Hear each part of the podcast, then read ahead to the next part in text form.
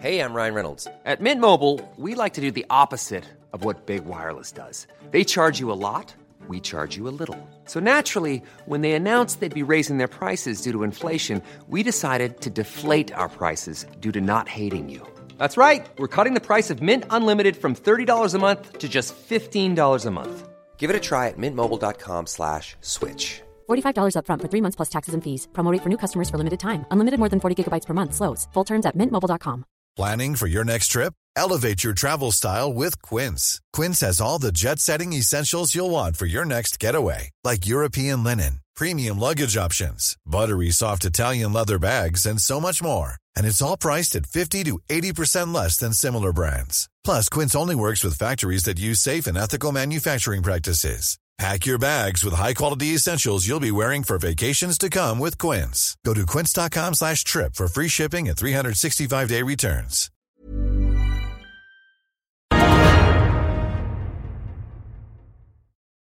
Velkommen til Økonominyhetene og vår morgensending fredag. I dag skal vi ta dere gjennom hva som har skjedd på de asiatiske markedene. Vi skal se på oljepris sammen analytiker i DNB Markets Helge Martinsen, før vi går til Oslo Børs og får en makrooppdatering fra seniorøkonom i Handelsbanken, Marius Gonsoltov. Vi skal i tillegg også gi dere en oppdatering på koronatallene fra Norge, men først så skal vi til Wall Street. Og de amerikanske børsene de endte svakt eh, torsdag kveld.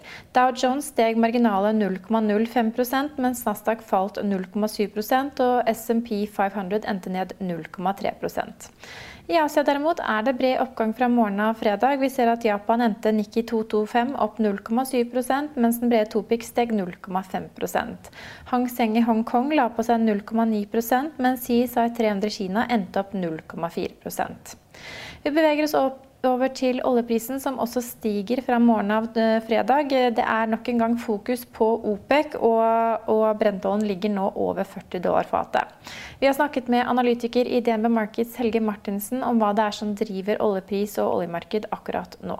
God morgen, Helge Martinsen, oljeanalytiker i DNB Markets. Vi har en brentolje eh, fra morgenen av nå som er over 40 dollar fatet, høyere enn i går morges. Hva er det som driver oljeprisen akkurat nå? Nei, det er jo det at vi har fått på plass eh, et eh, OPEC-møte som ser ut til å skal være i, eh, i, morgen. Og det er en sterk indikasjon på at man da har en enighet rundt kuttforlengelse. Det har vært litt fram og tilbake rundt disse, disse, disse OPEC-møtene nå i de siste uka, egentlig. Man snakket om at man skulle fremskynde møtet. Opprinnelig så var det 9.-10. juni. Så snakket man om at man skulle ha det 4. juni, altså i går. Men det, det ble da ikke noe av. Da ble det litt mer bekymringer i markedet om, om disse kuttforlengelsene. Eh, men så har man da klart å, å, å enes om eh, møtet i morgen. Og det som har vært diskusjonen, egentlig, har jo vært da dette med kuttoverholdelse. Eh, for De virker som har vært ganske enige Saudi og Russland, som er på en måte de to hovedspillerne, har vært enige om at man ønsker en forlengelse av kuttene på, på Man har snakket opp en måned. For det som egentlig skulle skje, var jo at eh, de dype kuttene, som var på 9,7 millioner fat, de gjelder for mai og juni. Og så skulle OPEC da gått et kutt på 7,7 millioner fat fra, ju, fra, juli. Så egentlig så er det en diskusjon da, om man skal holde de dype 9,7 millioner fat-kuttene. og det, Da har man da blitt enige om at man ønsker ytterligere en måned. Men så har man satt som betingelse av at de andre landene må overholde kuttene sine. Og Da har vi jo noen typiske juksere i, i OPEC. og, og Nigeria og Irak er, er to uh, syndebukker som har gått igjen. Og så har vi da Kasakhstan, som er ved OPEC pluss-samarbeidet. Og Det har jo vært egentlig Irak som har vært uh, hovednøkkelen her, fordi at uh, de i utgangspunktet produserer jo, har høy, høy, produksjon. Så at Kuttene er jo da ganske dype. Så, så, Irak skulle egentlig kutte med over en million fat. På våre tall så ser det ut som de har kutta sånn 450 000, sånn at de mangler 600 000. Så overholdelse av disse kuttene er eh, så som så mellom de ulike medlemslandene, som kanskje gjør Saudi-Arabia og Russland frustrert oppi det hele? Ja, altså Spesielt Saudi. da, Russland da, kan du si at uh, i utgangspunktet så bør de være litt forsiktige med å uttrykke frustrasjon. For hvis vi ser historisk, så har de jukset veldig mye på disse kuttene som de har uh, vært med på. Men, men uh, akkurat nå, på dette dype kuttet, så ser det som de har høy overholdelse. Det er noe som har vært med å dra oljeprisen at disse, Vi visste at det kom til å bli juksing, så det er for så vidt ikke noe nytt. Men, men, faktisk har man på en måte overrasket over hvor høy etterlevelse det har vært. hvis vi ser på OPEC samla, så, så, så, har vi ca. sånn 80 etterlevelse av kuttene for, for mai. Og så har Russland overrasket, ikke sant? for de er nær 100% for mai allerede. Og de har jo vært nesten nær null på etterlevelse tidligere i, på begynnelsen av året og slutten av fjoråret. Så, så, Russland har jo vært den store overraskelsen på den positive siden. Og nå er da de, nå som de overholder kuttene, så, så er da Saudi og Russland sammen bestemt seg for at nå skal de på en måte kjøre hardt mot de andre. Eh, for det er klart at Vi snakker om veldig dype kutt her, sånn at det er viktig å få med på en måte alle og ikke få noen freeriders. Eh, spesielt nå som oljeprisen har begynt å, å, gå litt, så er det selvfølgelig fristende å, å snike flere fat ut i markedet. Men eh, vi har jo enn så lenge bare, bare, en oljepris på 40 dollar, som ikke er, eh, er, eh, så høyt som man kanskje kunne håpe på. Men hvis man da får på plass en forlengelse i løpet av helgen, medlemsland streber etter etterlevelse av kutt, kan man forvente seg at oljeprisen skal klatre videre på dette nivået, eller er liksom rundt 40 dollar så høyt vi skal på nåværende tidspunkt? Jeg tror I korte bilder så er vi nok begynner å nå et punkt der, og Vi snakker jo kun om en forlengelse på en måned. så Det er litt sånn, nå, det OPEC prøver på nå, er litt sånn micromanagement. Nå tar man liksom, ser an veien eh, når man går, egentlig. og Det er for så vidt fornuftig. for det er fortsatt stor usikkerhet på etterspørselssiden. Eh, sånn at eh, man prøver liksom å finjustere. og Så skal vi huske det at eh, vi har på en måte to ting på den kortsiktige i bekymringslista vår. og Det ene er at nå at oljeprisen er kommet på et, opp på et så høyt nivå at vi begynner å få tilbake eh, nedstengte fat. Spesielt fra USA og Shale. Altså, vi har telt ca. halvannen million fat eh, nedstengt. Og så er det sikkert noe ting som ikke er blitt annonsert. Så si at vi kanskje har hatt opp mot to millioner fat nedstengt i USA. Eh, og, og, med WTI som også begynner å liksom skal ikke si at den snuser på 40, men, men den, eh, den, er i hvert fall, eh, den begynner å nærme seg 40, den også. Så det er klart at disse fatene som er blitt, var i produksjon, som har blitt stengt ned, de er lønnsomme å sette tilbake. Eh, og I utgangspunktet så tenkte man at disse fatene kom til å komme liksom skliende inn i markedet utover høsten. Men med, med, den oljeprisen vi har nå, så ser det ut som de kan komme ganske raskt tilbake og egentlig alle, komme mye av det i juni, og nesten fullt allerede i løpet av juli. Så, så det er på en måte, på en måte baksiden av medaljen, og som OPEC selvfølgelig er veldig klar over. Eh, de, vi har dype kutt nå i verden, på, på, så vi, vi, trenger egentlig ikke at uh, vi skal vekke liv i shale for tidlig igjen. Uh, ja. Så helt i det korte bildet så 40, høres 40 dollar ut som en fornuftig pris, tenker du, eller er det ja, I det korte bildet så tror vi det at vi må se Det er, det er to ting på, på, bekymringslista vår. Det ene er som vi sa, snakket om, dette, at disse nedstengte fatene kommer raskt tilbake fra USA og til dels Canada. Og, og punkt to er eh, raffinerimarginene. Eh, fordi at Nå har vi på en måte sett at markedet har stramma seg til, oljeprisen har gått, men raffinerimarginene er særdeles dårlige. Og Hvorfor er det en bekymring? Jo, fordi at eh, hvis oljeetterspørselen hadde bedret seg kraftig og dratt oljeprisen, så skulle raffinerimarginene vært uh, i bedring. ikke sant? Fordi at uh, raffinerimarginene det er jo eh, forskjellen mellom bensin og diesel og råoljeprisen. Så at det at, det at raffinerimarginen er veldig dårlig, det gjør jo at raffinørenes appetitt for råolje egentlig ikke øker. Så vi skulle gjerne sett egentlig at raffinerimarginene hadde bedret bedret seg litt gjennom oljeprisoppgangen. Det hadde vært et mye sunnere tegn. Nå kan man si at uh, oljemarkedet kanskje har blitt strammet veldig mye til fra, fra tilbudssiden. Uh, og at man også skulle da sett uh, raffinerimarginene stige som et sunnhetstegn på etterspørselssiden også. Ja, Så fortsatt spennende tider. Ingenting er avklart helt enda. Nei, det er mye, fortsatt veldig mye som beveger seg i oljemarkedet. og fortsatt høy, klar, høy grad av uklarhet. Så, så, vi har på en måte tror at vi, vi skal være litt uh, Ikke det er så mye mer å gå på på oppsiden i det helt korte bildet, men vi tror på en måte på en lengre rebalansering over tid. Og vi, så vi krever høyere oljepriser enn der vi er nå. Vesentlig høyere oljepriser uh, når vi begynner å snakke et stykke nedi veien her. Vi skal over til Oslo Børs, som stiger fra morgenen av. En eh, sterkere oljepris eh, virker positivt inn på oljeaksjer som Equinor og Aker BP, som også får en oppgang i morgentimene. Videre kan vi ta med oss at Hunter Tankers har fått levert eh, VLCC-en Hunter Deason, heter det i en fersk melding. Det gjenstår fortsatt levering på to skip, som ventes levert i juli og august. Norwegian har sluppet ferske trafikktall for mai som viser at de fraktet i overkant av 70 000 passasjerer i mai måned. De opererer fortsatt med begrenset antall innenlandsflyvninger. Videre har Bård Drilling fullført refinansiering som gir en likviditetsforbedring på rundt 315 millioner dollar, og det sender selvfølgelig aksjen solid opp i dag. DNB Markets mener Aker BP er best posisjonert i forkant av tiltakspakken for oljeindustrien som er ventet å komme i løpet av neste uke. Nå skal vi over til makrotall. Vi skal se på boligpris, og vi skal også nevne hva som påvirker aksjemarkedet når vi har snakket med seniorøkonom i Handelsbanken, Marius Gonsolt Hov. God morgen, seniorøkonom i Handelsbanken, Marius Gonsolt Hov. Vi har fått ferske makrotall fra Norge i dag, der det er snakk om fastlands BNP. Hva viser disse tallene?